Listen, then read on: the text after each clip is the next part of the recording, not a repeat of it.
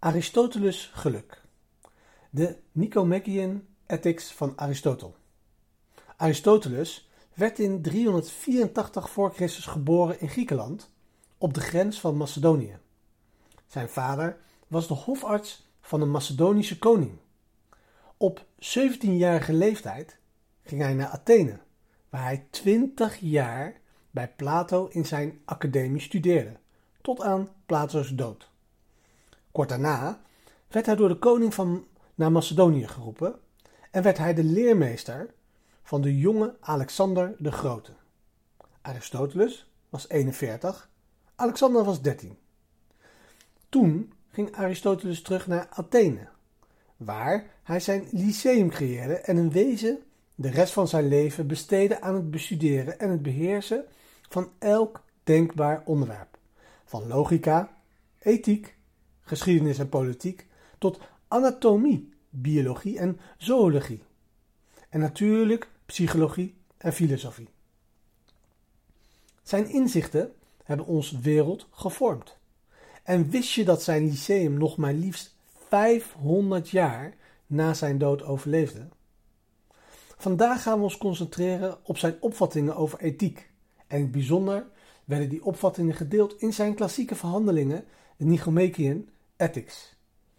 Die is trouwens vernoemd naar zijn zoon, die in wezen de dictaten van Aristoteles heeft bewerkt.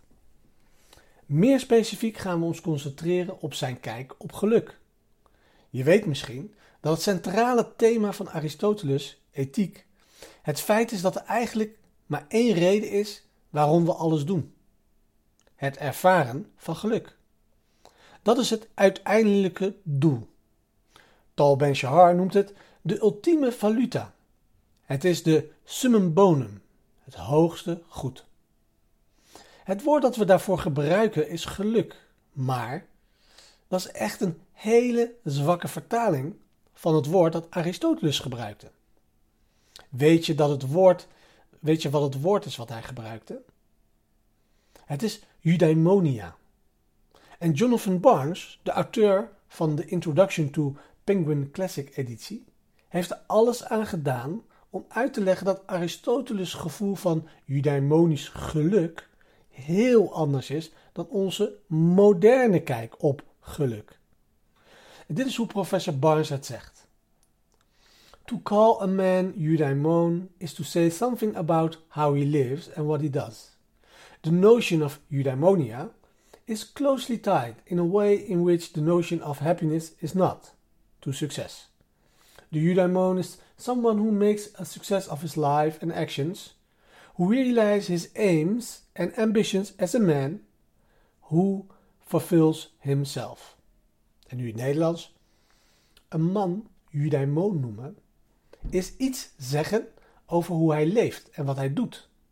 Het begrip eudaimonia is nauw verbonden op een manier waarop het begrip geluk dat niet is met succes. De eudaimon is iemand die van zijn leven en handelen een succes maakt, die zijn doelen en ambities realiseert als een man die zichzelf vervult. Met andere woorden, het uiteindelijke doel van het leven is niet geluk, zoals wij dat kennen, maar meer een gevoel van actualisering. Echt geluk in de Aristoteles zin moet de succesvolle realisatie van onze mogelijkheden omvatten. Dat is het uiteindelijke doel van het leven. Het hoogste goed. Het summum bonum. En dat brengt ons terug bij Barnes en nog een van zijn andere briljante punten. I will not do to replace happiness by success or fulfillment as a translation of eudaimonia. The matter is too complicated for any such simple remedy, and in what follows I shall continue to employ the word happiness, guarding it with a pair of inverted commas. But it is worth considering Aristotle's recipe for eudaimonia with the notion of success in mind. The ethics we are thus supposing is not telling us how to be morally good men or even how to be humanly happy. It is telling us how to live successful human lives How to fulfill ourselves as man.